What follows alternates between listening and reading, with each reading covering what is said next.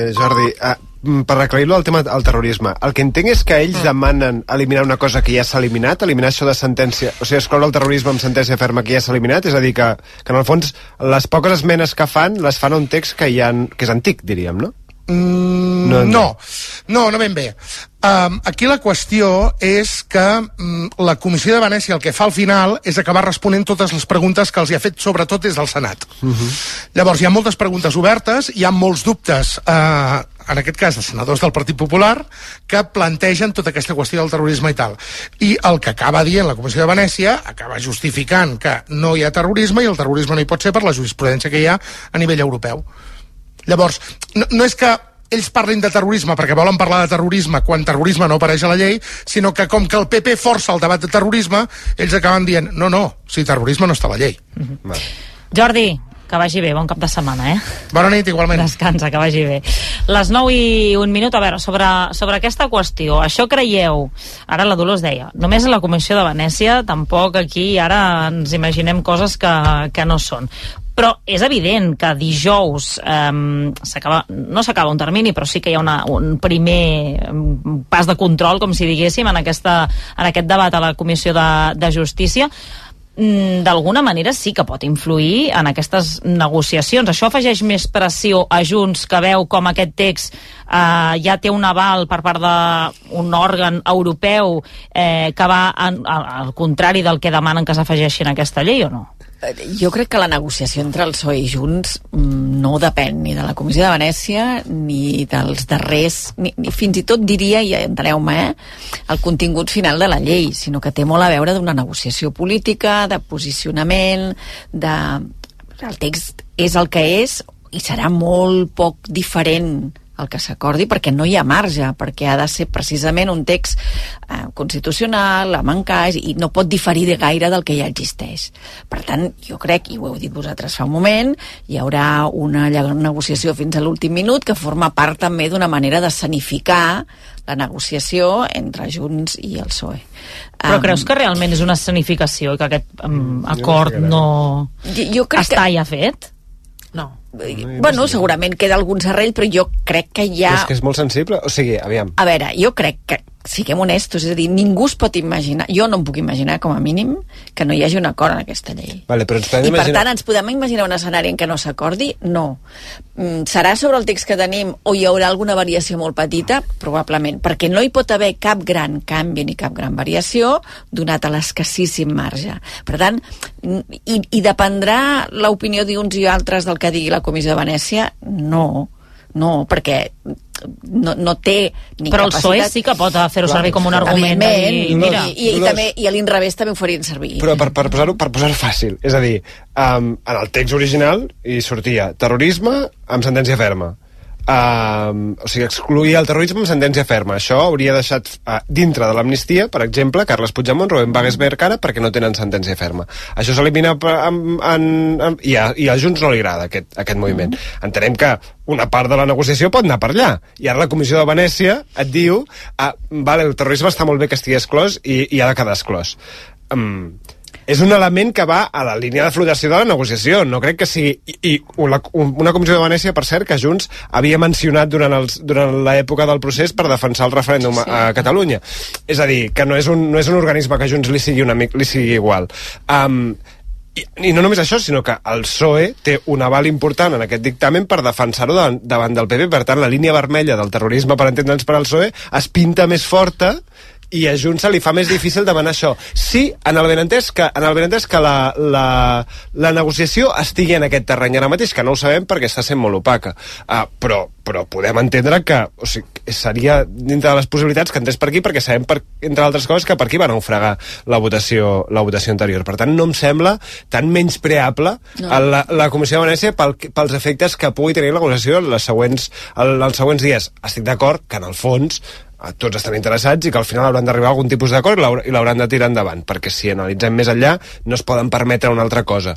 Dit això, em sembla bastant important el que ha passat eh, i que afectarà aquestes negociacions i aquests pròxims dies. Oriol.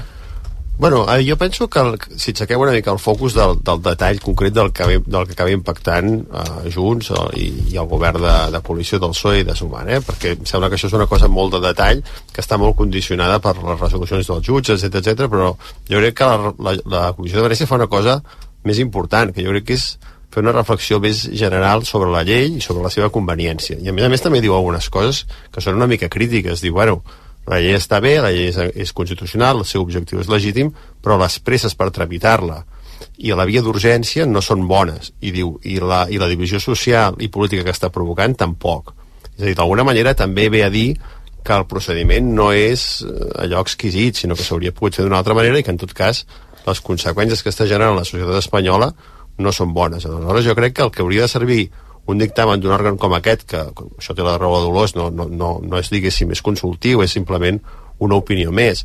Jo crec que hauria de servir més per fer aquesta reflexió i que el PP i aquests sectors judicials tan contraris i tan reacis siguin capaços de fer una certa evolució, que d'alguna manera ja l'estan fent, perquè ja vam veure durant una campanya gallega que, bueno, semblava que reculaven una mica, venien a dir que si hi havia una, una petició de, de, de, de perdó o una, o una voluntat de no, de no reincidir de l'independentisme, doncs fins i tot ells, el PP, estarien disposats a, a, a treballar en aquests temes de l'amnistia i de l'indult. O sigui, d'alguna manera el PP ja ha anat modulant, del, però, que, però el que ve dir la Comissió de Venècia és que perquè l'objectiu que, que persegueix la llei s'acompleixi, uh, hi hauria d'haver-hi un, una mica més de consens i una mica més de voluntat de totes les parts de trobar punts de confluència. Per tant, jo crec que estic d'acord amb en Dani que és rellevant que un, que un òrgan digui sí, digui això, però també coincideixo amb la Dolors que al final és un element més de, de reflexió general que no pas que, que vingui a dir heu de fer això, heu de fer l'altre, no? El problema de demanar uh, informes consultius és que responen també més tard o més d'hora responen. Llavors, en funció del que diguin, um, per la mostra el que estem, les nostres opinions, cadascú se l'adaptarà eh, en funció del que vulgui. Al PP no li està agradant perquè no entra en el fons, al PSOE segurament li agradarà perquè li dona una mica més la raó, a Junts dirà, ostres, quina pressió que tinc, o no, o ja m'està bé. Per tant, en funció del que tu vulguis sentir, eh, aplicaràs més o menys i diràs, elevarem més o menys el concepte consultiu. Vinculant, no vinculant, ara han de venir aquests a dir-me o no dir-me. Eh, dit això, ara no sé si ho ha dit el Dani o ha dit la Dolors, crec que la Dolors, um, jo crec que aquestes alçades de la negociació um, el marge és petit però important, és a dir, jo crec que és petit però és bàsic, perquè si no no estaríem aquí amb, amb aquest marge eh, no, vull, no vull dir que no tinguin en compte l'opinió de, de, de, emesa per, per l'informe, eh? però jo crec que en aquests moments ni PSOE ni, ni, PSOE, ni Junts eh, utilitzaran això com una carta de... de...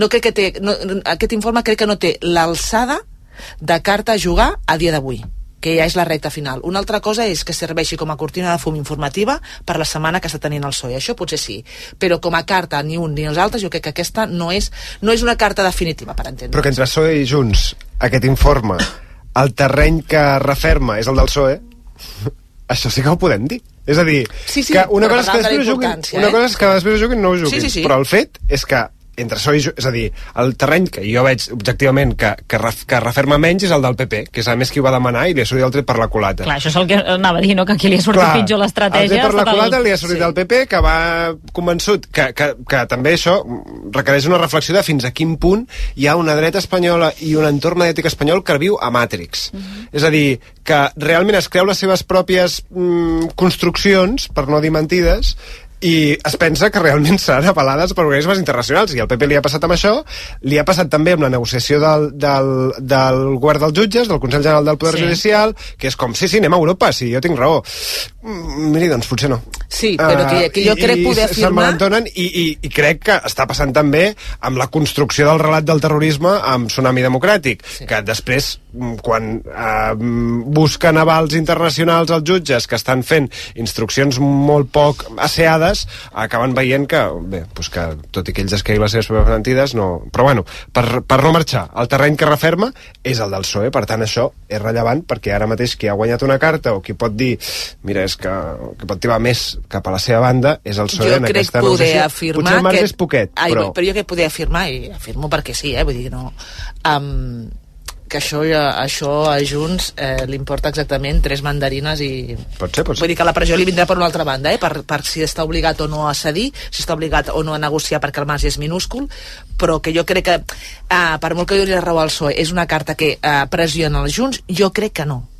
No, no té res a veure que, que li doni la raó al PSOE, eh, que estic d'acord. Dolors. Crec que, a més a més, eh, com qualsevol informe o posicionament que ve d'un organisme internacional de prestigi, i abans quan deia eh, que és la Comissió de Venècia, efectivament, és Consell d'Europa, eh, no? I per tant, eh, és un organisme internacional, són experts de prestigi, evidentment no és obligatori, sinó que és consultiu, però té una certa autoritat tècnica i no sé si dir-ne moral, però una certa autoritat de prestigi.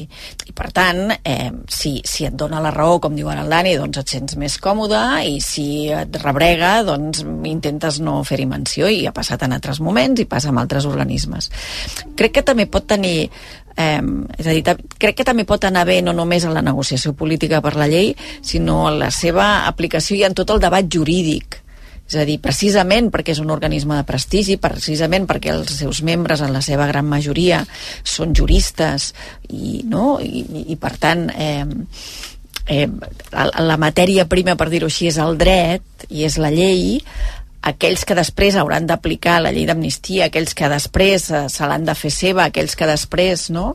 Uh, o, que, o, o, o que la colla de jutges que hem estat sentint opinant sobre si interfereix o no, també és un element que ajuda a, no? a fer passar la llei, per dir-ho així, és en el, a fer passar, o en tot cas a, a presentar la llei en l'àmbit jurídic, en, en el sentit de dir, escolta'm, i crec que un element important, i ho va no, que ho heu dit abans, és que efectivament refermar aquesta idea de que és una eina de reconciliació, que és com una manera d'entendre també la necessitat de reconciliació, l'evidència de que hi ha hagut hi ha un conflicte polític i que, que cal aquesta reconciliació.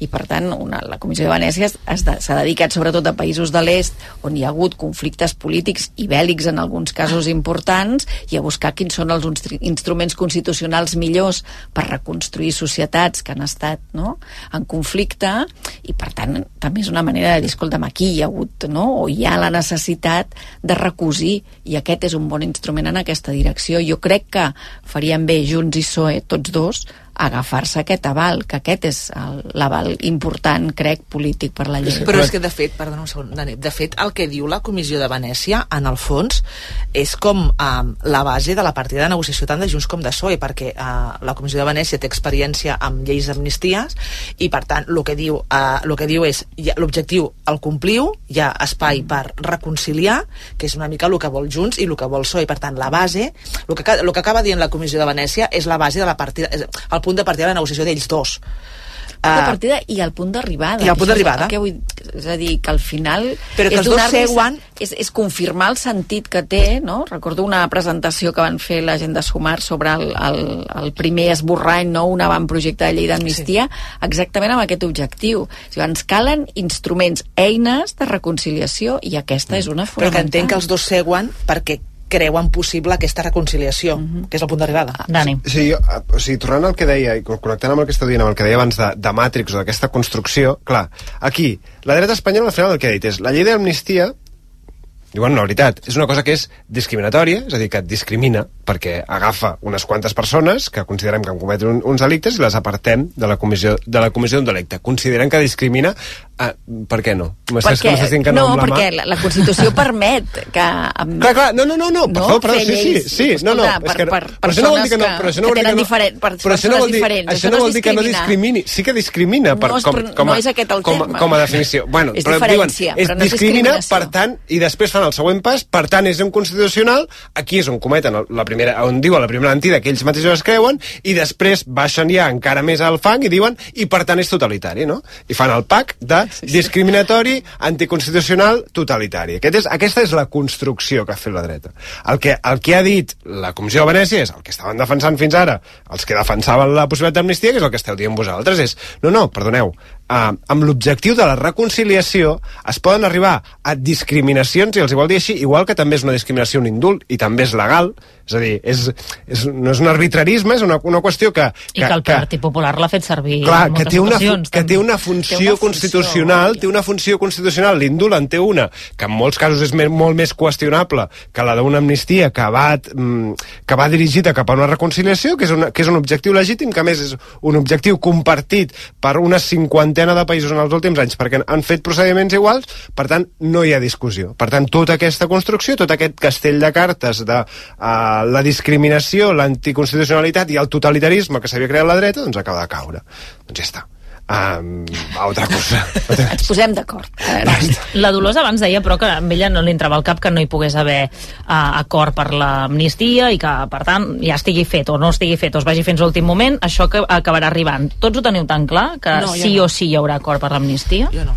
Sí és que no- l'alternativa jo no- tampoc sembla molt, molt plausible, no? És a dir, aquí hi ha molta gent i moltes famílies i molt, molts col·lectius que estan esperant que d'alguna manera es trobi aquesta sortida. I jo no acabo de veure tampoc com, com es pot evitar. Igual que no acabo de veure com pots lluitar contra el fet que els jutges acabin, diguéssim, imputant a, a, el cas Tsunami de terrorisme. És que això és una cosa que mm, és difícil d'impedir i és difícil d'impedir perquè és que al final ells construeixen un relat que tardarà més o menys però, però que nosaltres trobem absolutament forçat jo el trobo completament forçat però que si són els jutges si decideixen construir-lo i decideixen dur-lo fins a les últimes conseqüències aquí no hi ha llei d'amnistia que no hi, no hi ha tutia diguéssim. És a dir, no pots incloure delictes de terrorisme així a seques com sembla que en algun moment pretén Junts eh, preventivament per evitar que els jutges puguin fer alguna acció.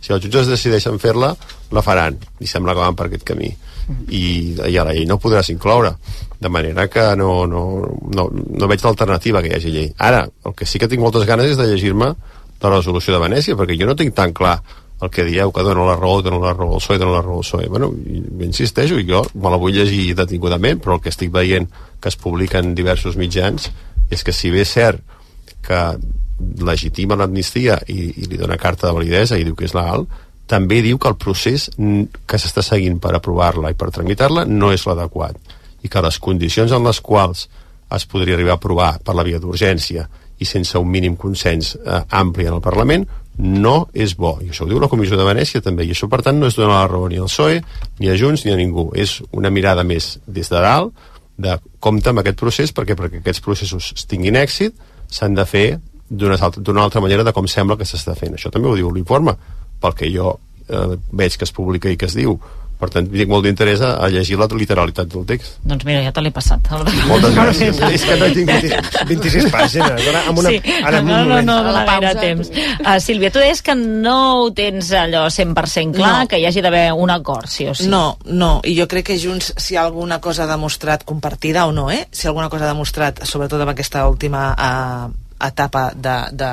Bueno, aquesta primera etapa de legislatura, um, és que no es compromet a res i ja va votar o sigui, aquesta llei d'amnistia l'estem negociant en segona fase perquè no, va, no la va aprovar en una primera fase per tant eh, Però hi ha molta gent que depèn d'aquesta llei d'amnistia. Com podrà justificar Junts una els no els aprovació? Els arguments els té, és a dir, si ells eh, el, el concepte, o sigui, el terme, el context del terrorisme no el tenen clar, perquè ja no el tenien clar, si no, si no ja l'haguessin provat fa un mes, era? Fa més o menys un mes. Mhm.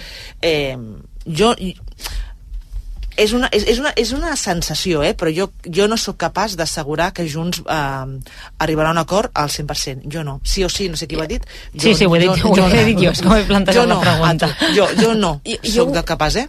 Ho crec, Sílvia, perquè agafant els argu- arguments també de dalt i de baix, eh? Un pel detall, perquè afecta moltíssima gent, no?, en el dia a dia. I, i, i per la lletra petita. Però l'altre també... Parèntesi, un moment. Però és que ja l'afectava el mateix, ja afectava la Sí. primera votació i va votar no. Ja, però, però ha seguit avançant, oportunitat, home. no? Clar, perquè saps Però que no s'acaba negocien, però potser l'última oportunitat Sílvia, per ells, però però- l'última oportunitat també pel Pedro Però la- Sánchez. Cuidado, eh? Per això però dic que no tinc clar, li, li eh? faria a Junts la mateixa pregunta que el Partit Popular. És a dir, si el conflicte segueix, si, si continuem necessitant eh, elements de reconciliació i elements que facilitin l'entesa i la fi del conflicte polític, si no és la llei d'amnistia, quin és? I on tindria que Junts digués no és la llei que nosaltres voldríem, se'ns queda curt, hauríem d'anar més enllà, que, que poden ser els arguments que ara posen sobre la taula i que, per tant, els hi quedi insuficient. Però això no entenc que eviti que diguin que sí. Però és que No- igual no diuen que entendria. sí perquè l'altra banda cedeix amb les coses que ara volen, eh, amb les coses que no s'han complert i es Però compliran. estem en un moment que, honestament, eh, vull dir, gairebé, ja, ja sé que jo demano allò, anar una mica més enllà del, del quotidià del dia a dia, però ens urgeix com a societat eh, tenir elements positius que permetin avançar i, i, i fer avançar aquest conflicte. I, I jo no dic que la llei tal qual s'aprovi potser no és eh, suficient i caldran més coses, evidentment, però és un element imprescindible ara. I més per on l'han col·locat que és, no?, que s'ha col·locat com un element imprescindible. Potser no havia de posar-s'hi, potser hi havia, n'hi havien d'haver d'altres abans, però ara l'hem col·locat com un element imprescindible, per tant s'ha d'aprovar.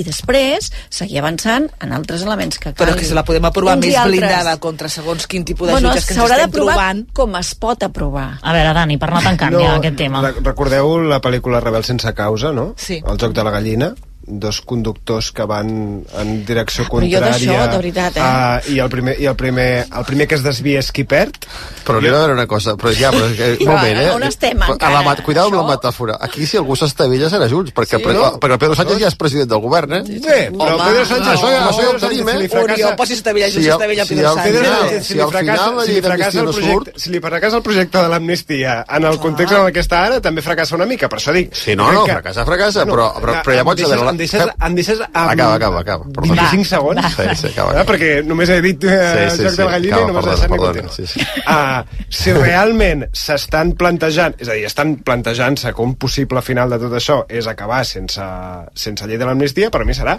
acabar xocant per tots dos per tots dos, eh, justament perquè crec que Pedro Sánchez no es pot permetre que naufragui el projecte estrella de la seva... El gripau, el gripau més gros que s'han passat i que l'ha obligat a fer-ne bandera. I per tant n'està fent bandera. Si això fracassa, perd tot el sentit la seva, la seva, la seva, la seva proposta de govern, i no només això, sinó que perd la majoria del Congrés, per tant no podrà aprovar res i perd la legislatura. I si Junts fracassa amb això, l'aposta, el canvi de tendència que ha fet al Congrés espanyol, apropant-se Jo ho als faré pactes... menys de 25 segons. Apropant-se prometo. apropant als pactes, doncs aquest també haurà fracassat estrepitosament, per tant hauran xocat. Si estan plantejant això, doncs pot ser que passi. Jo crec crec, sense tenir coneixement del, de les intríngules de les negociacions, que potser la Sílvia sí que en té, que estan forçats a entendre's, però és que no hi ha un escenari bo fora d'això. Va, acaba amb Oriol. En 10 segons. Jo la meva pregunta és, si al final no aconsegueix la llei d'amnistia, la meva pregunta és, per què Junts ha fet president Pedro Sánchez? Mira, amb vuit. Sí. Per intentar-ho.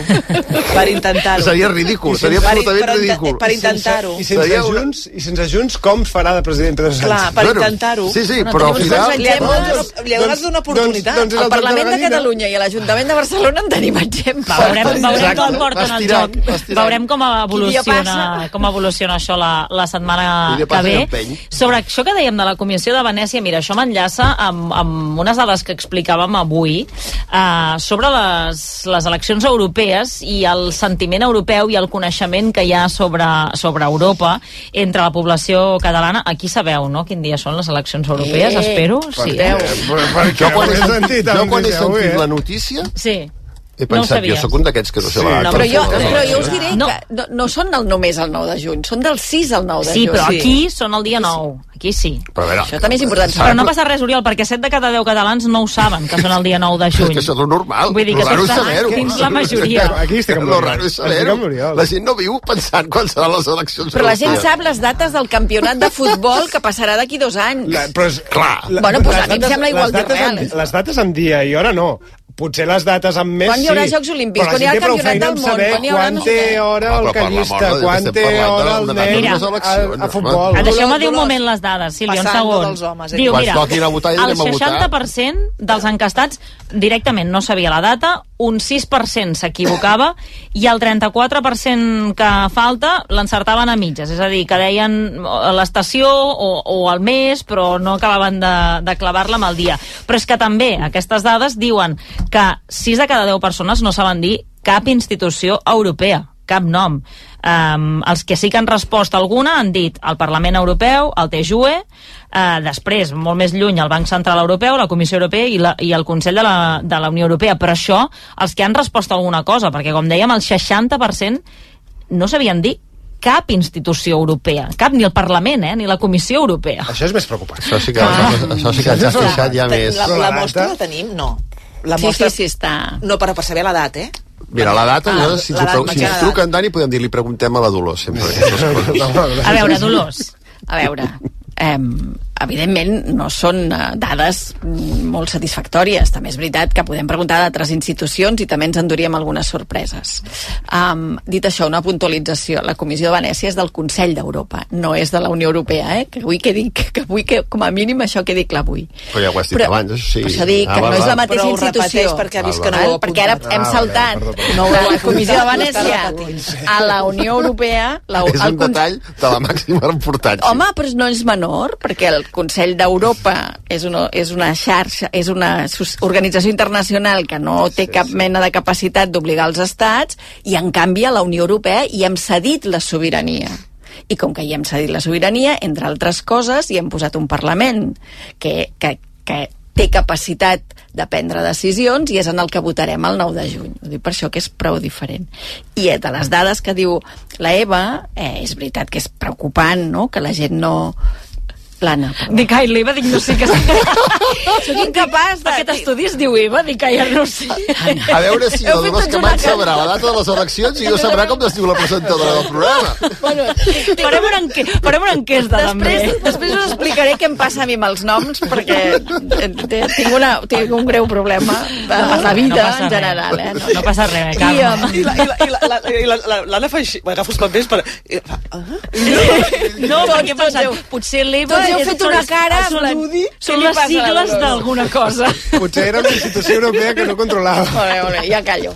En tot cas, la dada que a mi m'ha interessat és saber que el, uh, de tota aquesta gent, malgrat la que no sap quin dia són les eleccions, 3 de cada 4 diu que aniran a votar el dia de les eleccions. I per tant, això vol dir que com a mínim pots no saber quin dia són les eleccions, però hi ha un reconeixement, i en l'enquesta surten diverses O sigui, dades, a sobre han mentit. de que la A sobre- gent a sobre mentit. li dona importància a les... No, li dona La- importància la- en el que passa i el que es les decideix a eleccions nivell europeu. europees, um, que són les oblidadas, no, mm, lo siguiente, uh, sempre, sempre que coincideixen amb alguna altra, digue-li catalanes, digue-li municipals, bueno, perquè has de votar i la gent diu, i Ja que aquest, ets- aquest sobre carbassa, lila, o verd què és? Ah, doncs mira, ja que hi soc, voto. M'agradarà veure la participació. Sempre que van so soles, mare de Déu, senyor. Sí, no, jo voldria dir només una Un coseta. 60% el 2000. Jo només vull fer un petit matís alguna? al concepte, Municipals, al sí. concepte de Dolors hem cedit la sobirania. Home, els estats han cedit poca sobirania a la Unió Europea. De fet, les grans decisions de la Unió Europea es prenen al Consell d'Europa.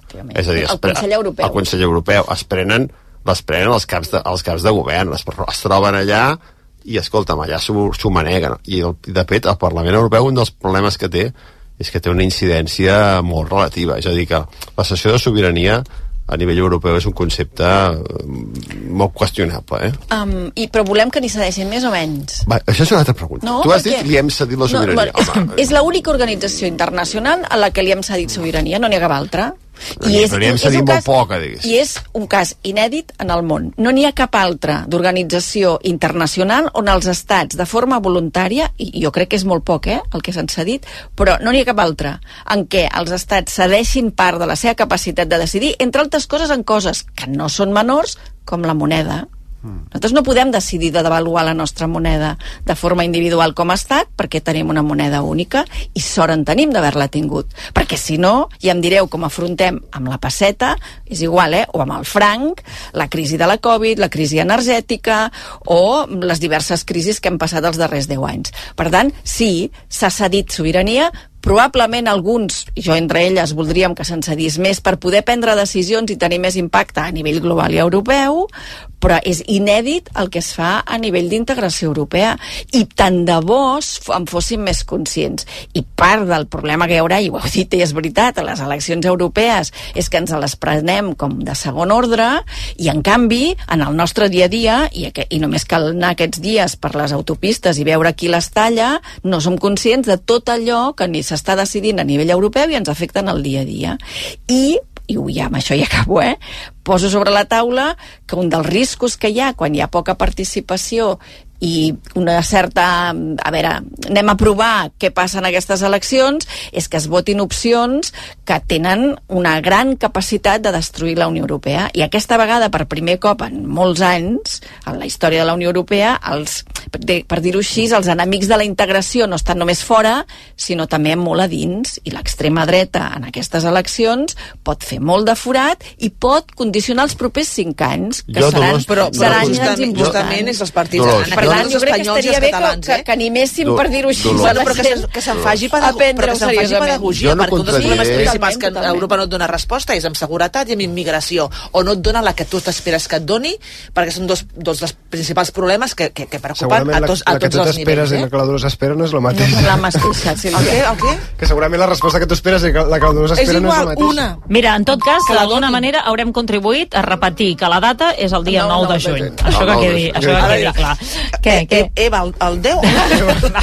Dos quarts de, de deu, va, fem una pausa i quan tornem mm, canviarem absolutament de qüestió. Sabeu que fa dies que parlem d'aquests eh, problemes que hi està havent últimament en diferents edificis. Tot va començar amb aquest esfondrament a Badalona. Aquesta setmana també hem parlat de Santa Coloma. Avui s'ha desallotjat un nou edifici a Badalona. Doncs parlarem un, un expert perquè ens aclareixi què és el que està passant realment, si és que està passant alguna cosa o si és que s'està envellint el parc d'habitatges que tenim a Catalunya. Fem una pausa i tornem de seguida.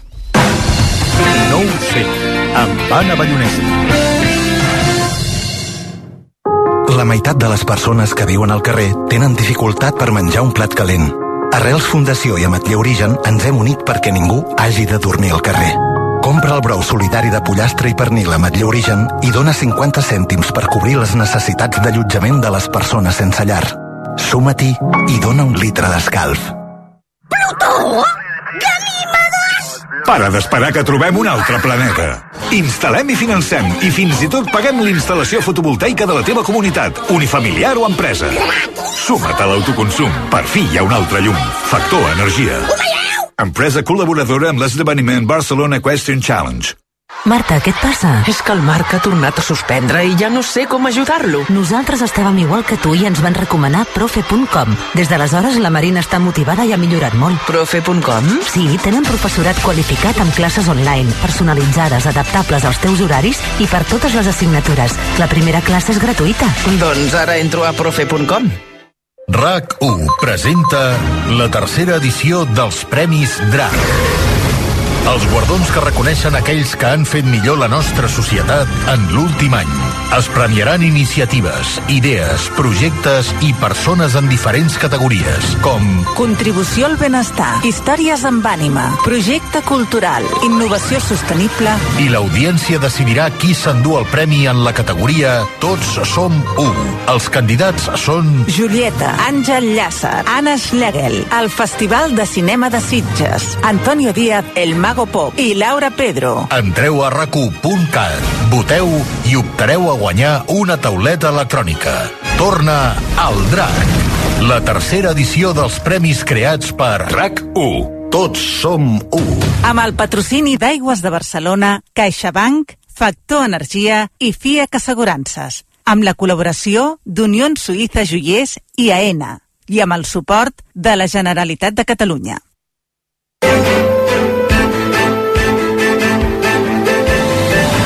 RAC1 no ho sé, amb Anna Ballonesta.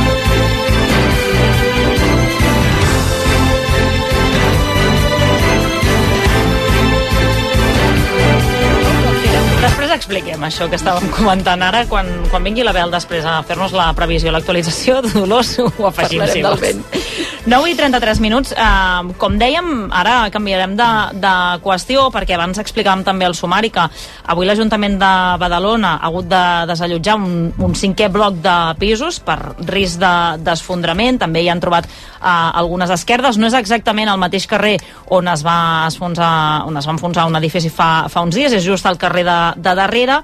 També parlàvem fa just una setmana, també en aquesta tertúlia, de, de l'incendi de, de València, eh, de també els materials de construcció, de les inspeccions que s'haurien de fer en aquests eh, edificis, i aquests dies també hem vist que a Santa Coloma hi ha hagut un, un problema amb, amb diversos eh, pisos, també s'han hagut de desallotjar els, els veïns, i per això eh, per, portem molts dies no? parlant de que si esfondraments, que si esquerdes, i, eh, incendis fins i tot, i, i avui volíem preguntar-li mm, si és que està passant alguna cosa, si és que hi pot haver algun patró.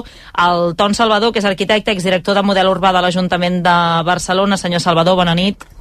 Bona nit, bona nit. M'imagino que, que és, no és fàcil de, de, de respondre, però clar, molta gent està dient, ostres, què està passant amb, amb els edificis? Realment eh, hi ha alguna cosa en comú que pugui dir què és el que està passant? Hi ha un envelliment del parc d'habitatges o ha estat simplement casualitat que hagi coincidit, que hagi passat tot això eh, en aquest breu període de temps?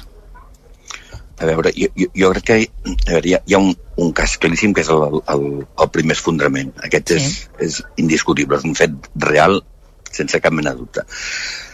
Jo crec que, per una banda, eh, si ens atenem al, al, al fet del per què, és evident que està vinculat en un tema d'envelliment del parc d'habitatge, això és obvi.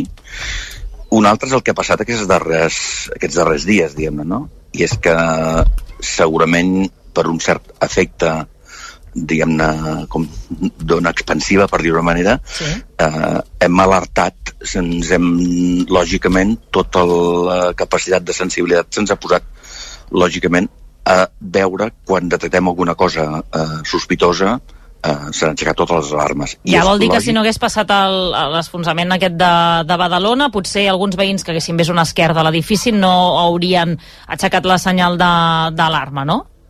Efectivament, això és el que una mica... Però això no treu en absolut, en absolut, en absolut, els riscos que eh, s'han detectat, eh, en absolut. Eh? No, Mhm. si no, no, no vull dir això que no, tingui, que no hi hagi raó de, de, de preocupació, d'alarma, i per tant de prendre totes les, eh, totes les mesures necessàries.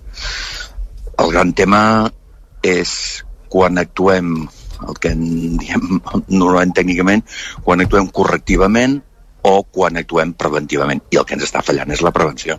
Mm. Això jo crec que és una mica el que ens posa sobre la taula és que amb un parc d'habitatge envellit i sobretot aquest parc d'habitatge d'una època es va construir amb molta rapidesa eh, i amb un marc normatiu molt mm, vist avui, eh, eh, molt, molt precari, per tant, eh, això fa que, que molt d'aquests habitatges de l'època de màxim creixement poblacional són, moltes vegades són edificis eh, fets eh, amb, diguem-ne, segurament amb poques mesures eh, que en vistes de ull, mirada d'avui, amb tota la normativa que tenim, eh, difícilment això eh, eh, estaria passant, no?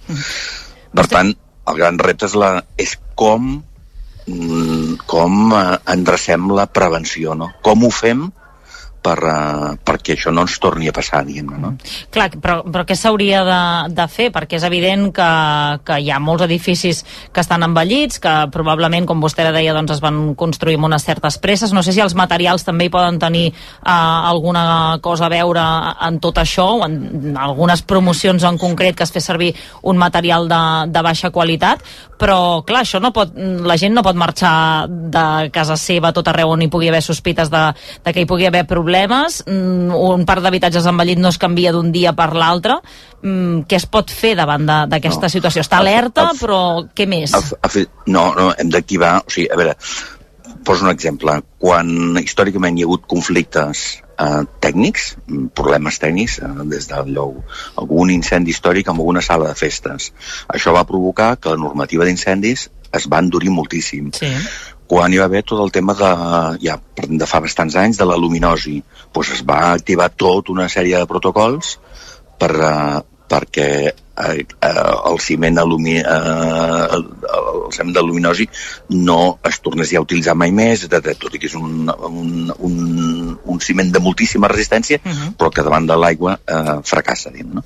Per tant, el que és evident és que, eh, que a mesura que ha anat passant el temps ens hem revestit de normativa cada vegada més, més exigent, tot el conegut codi tècnic, etc etc. però el que cal és quan deia la prevenció és mm, ningú té cap dubte que ha de portar el cotxe a l'ITV Mm.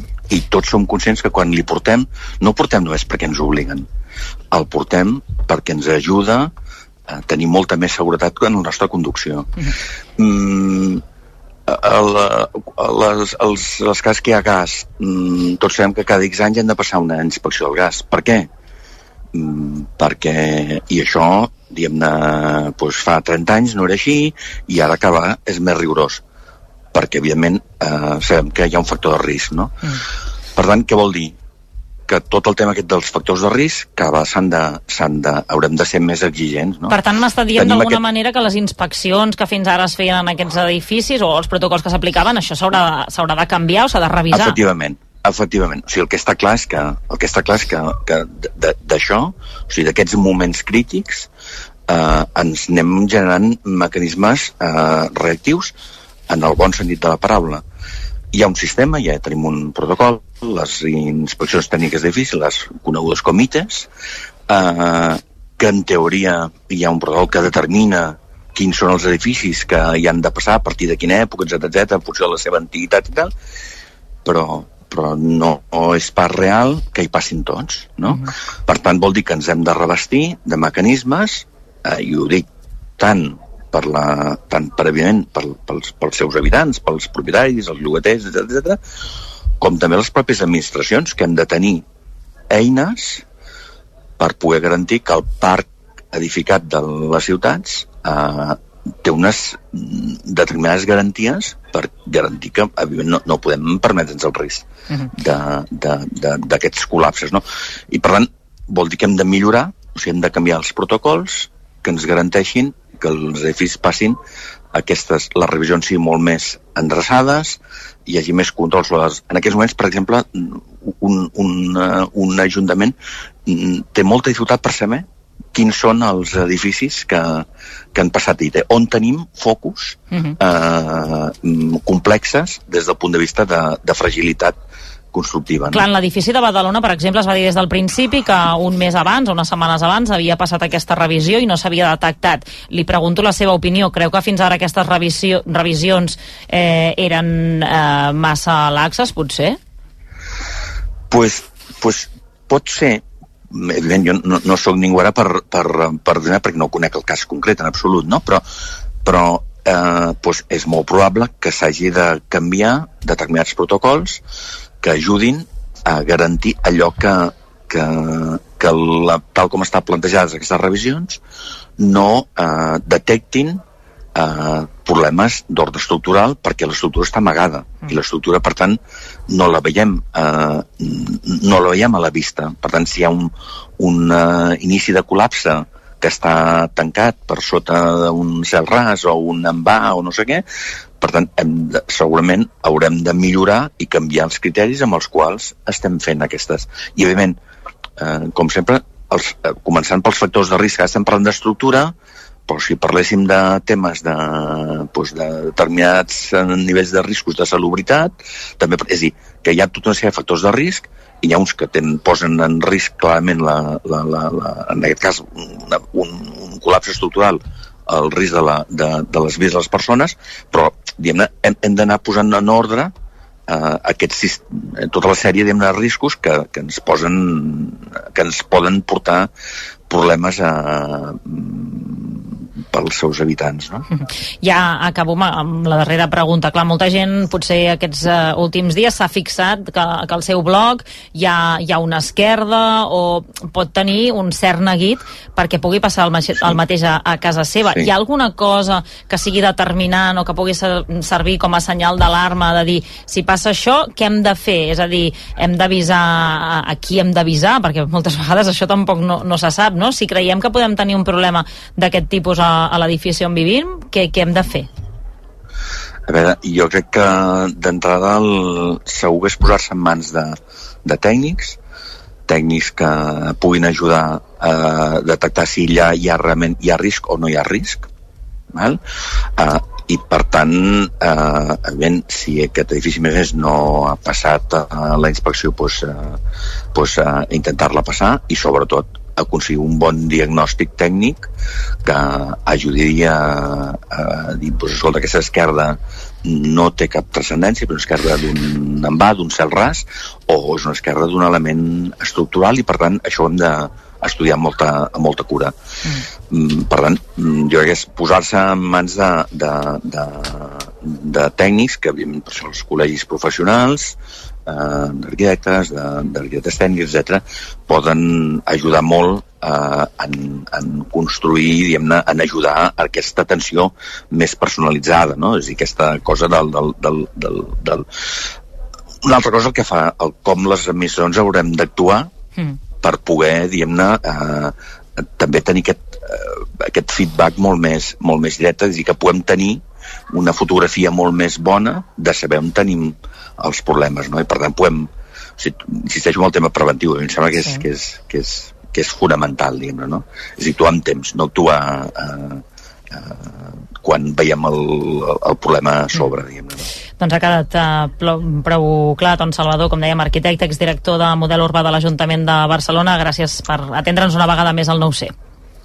Vinga, vosaltres. Que vagi bé. Bona nit. Gràcies. Bona nit, bona nit. A veure, el Dani anava fent que sí amb el cap i l'Oriol hi havia coses que no les veia del tot clares. Us demano que sigueu breus, eh? Que tenim un quart d'hora. brevíssims. No, jo només dic que la paradoxa és que l'edifici on hi ha hagut un incendi gravíssim no és un edifici dels anys 60 ni 70, del postfranquisme, de l'últim franquisme... No, no, hi hem entrat, no hi hem entrat amb això de, bueno, de jo només dic eh? que, que el tema de València ha passat en un edifici que era relativament nou, és a dir, no era un edifici dels anys 60 ni 70 quan es van fer autèntiques barbaritats en el planejament urbanístic i en la construcció. Per tant, és evident que, que sí, que, que hi poden haver-hi problemes, però que a vegades no depèn exclusivament de l'antiguitat de l'edifici. I la segona, que és el que vam comentar la setmana passada, que la normativa va evolucionant i que ho ha explicat molt bé, mm Mhm. -hmm. pues una cosa com la que ha passat a València, per força obligarà ara a, a refer normatives, no? Jo, més que València, per centrar-me en Badalona, Santa Coloma, que em sembla que, que comparteixen més característiques, dic el mateix que deia la setmana passada, que no us va agra- gra- agradar gaire a cap de vosaltres, i és que si hi ha edificis que s'han hagut de desallotjar després de passar la IT, perquè es van mirar millor, vol dir que la IT no s'ho va mirar prou bé. Per tant, hem de pensar en les ITs, que és el que acaba de dir avui el, el senyor Salvador. Hem de mirar que si aquestes ITs són prou exhaustives o no són prou exhaustives, més si tenim consciència que tenim un problema de parc d'habitatges envellit, del 60 a Macer, mmm, xungo perquè era difícil accedir-hi, no sé què. Doncs Si tot això passa, doncs haurem, haurem de fer un pla específic de mm, control dels edificis eh, dels anys 60 o amb unes determinades característiques que jo no sé perquè no sóc tècnic, però el que està clar és que s'estan colant coses que avui s'han de desallotjar i fa un mes van passar una IT. Doncs aquí hi ha un problema. Des de territori crec que ara, perquè clar, ell també comentava que els ajuntaments tenen poc accés a, a, a, a, a les dades d'aquests edificis. Crec que és el 5 de març que es comença a treballar ja en una comissió per detectar tots aquests Sí. uh, edificis.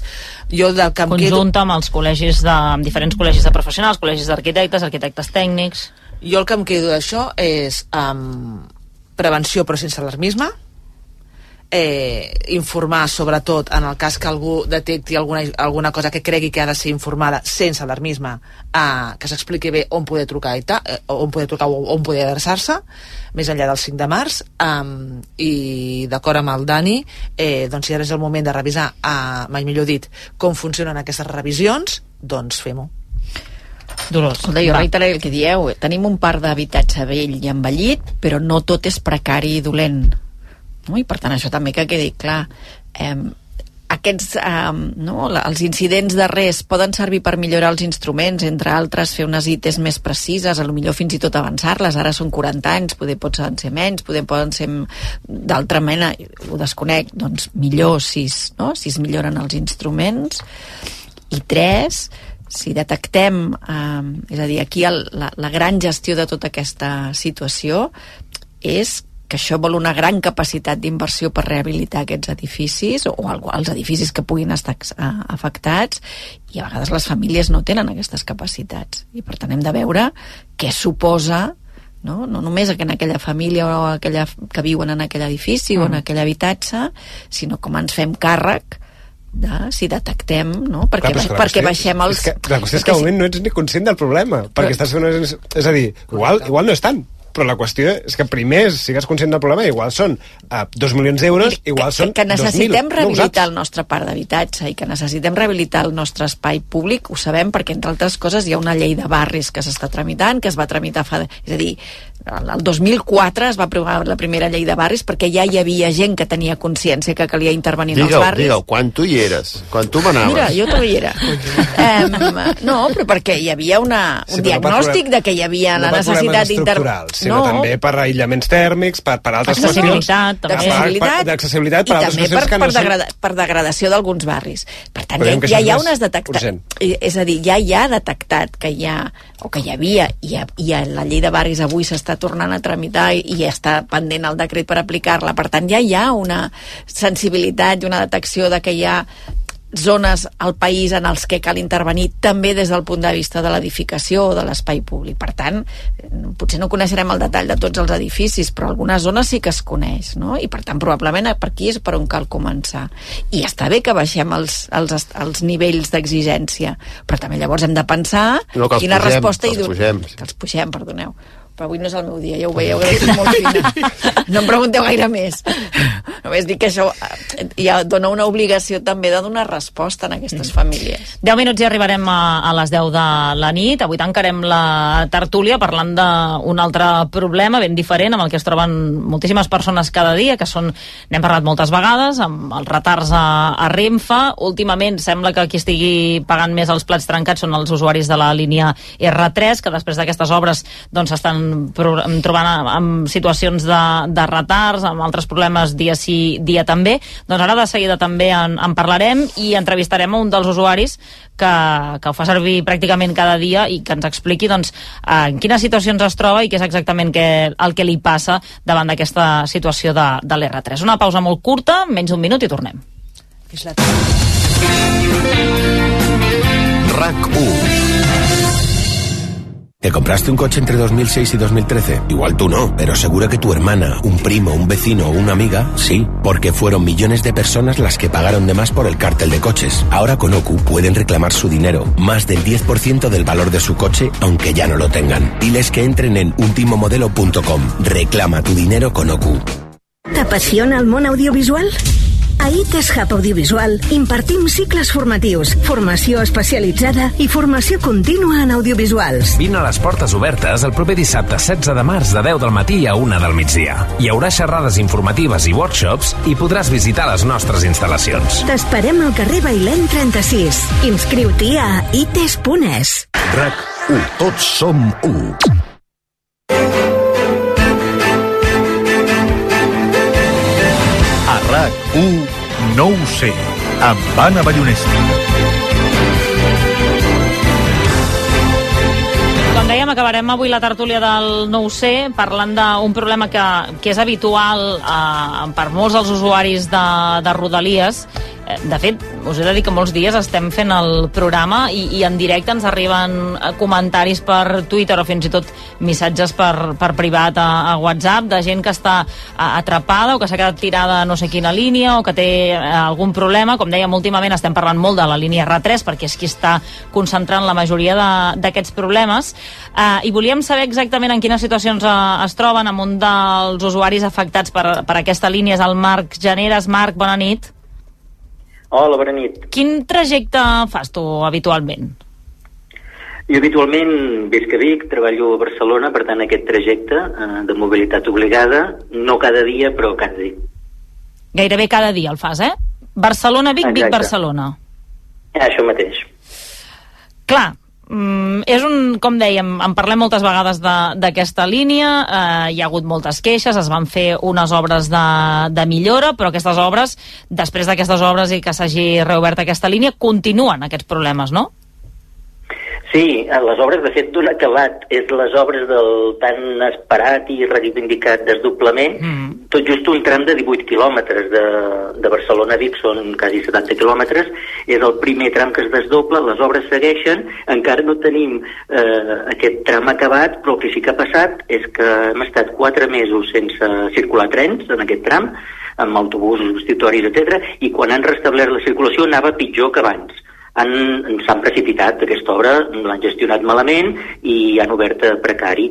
Què vol dir que va pitjor que abans? Posa'm un exemple. Sí, sí, doncs des de que el 4 de, de febrer van restablir el servei, bueno, ja va començar que els primers trens els van haver d'anul·lar. Després, el primer dia, hi ha problemes de falta de corrent a la catenària, que s'ha succeït diverses incidències reiterades, de falta de corrent, de, de, de trens aturats, etc retards sistemàtics. Eh, va arribar a reconèixer a, a DIF que la, ru- la, la, la puntualitat de Rodalies en el global havia baixat el mes de febrer el 73% en el global de Rodalies i tot era exacte, sobretot perquè R3 no va haver-hi puntualitat en cap dia. Clar, quanta estona trigues tu ara mateix d'anar a Barcelona-Vic? No sé si més de Barcelona-Vic que de Vic a Barcelona, igual, o si tens controlat que un trajecte és pitjor que l'altre.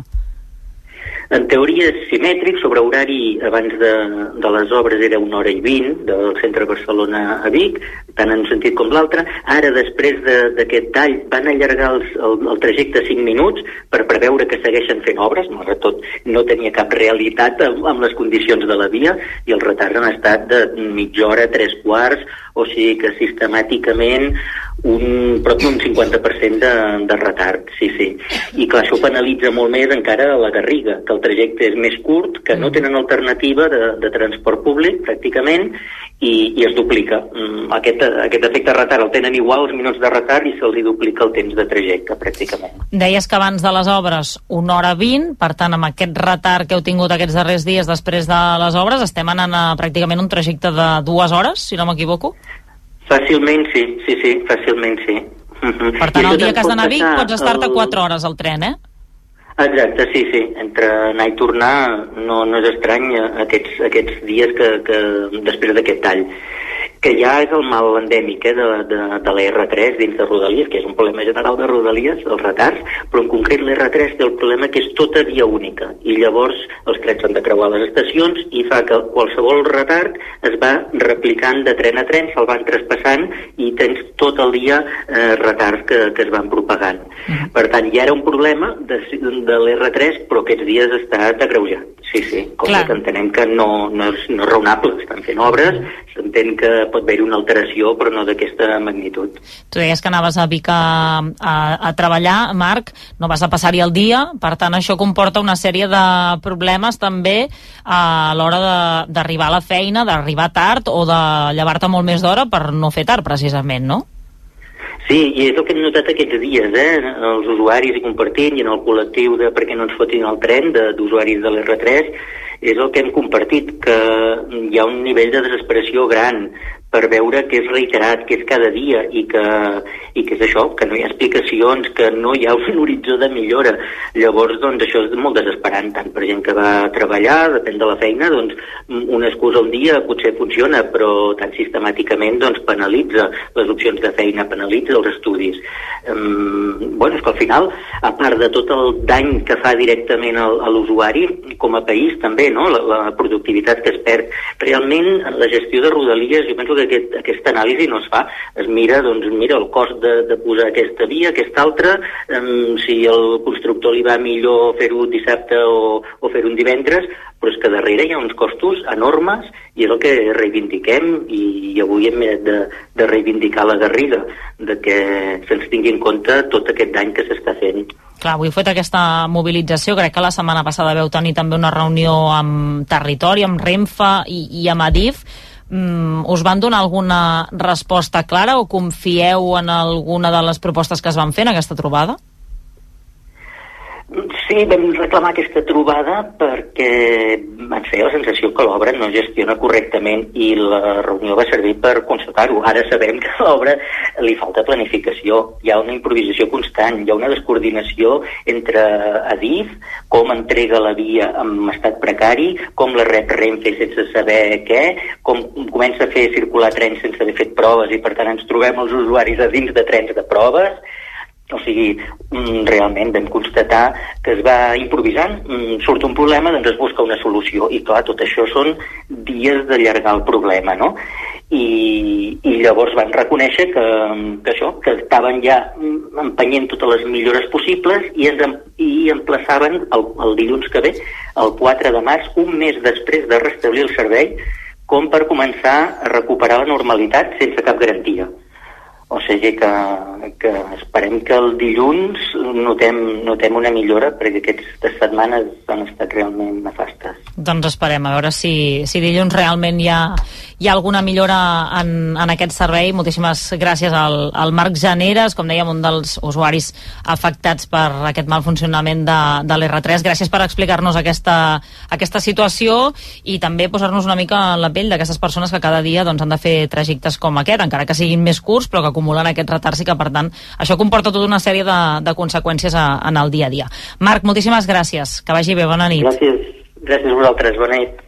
Bé, aquest és només un exemple, però jo crec que si, si obríssim línies o deixéssim els missatges sí. sí. oberts no pararíem de, de rebre queixes cada dia, eh? 4 hores, eh? És que, clar, és quan penses en 4 hores de la teva vida, eh, i a més per un trajecte que és Barcelona-Vic, que tampoc hauria de ser ni molt menys, no?, eh, suposar això.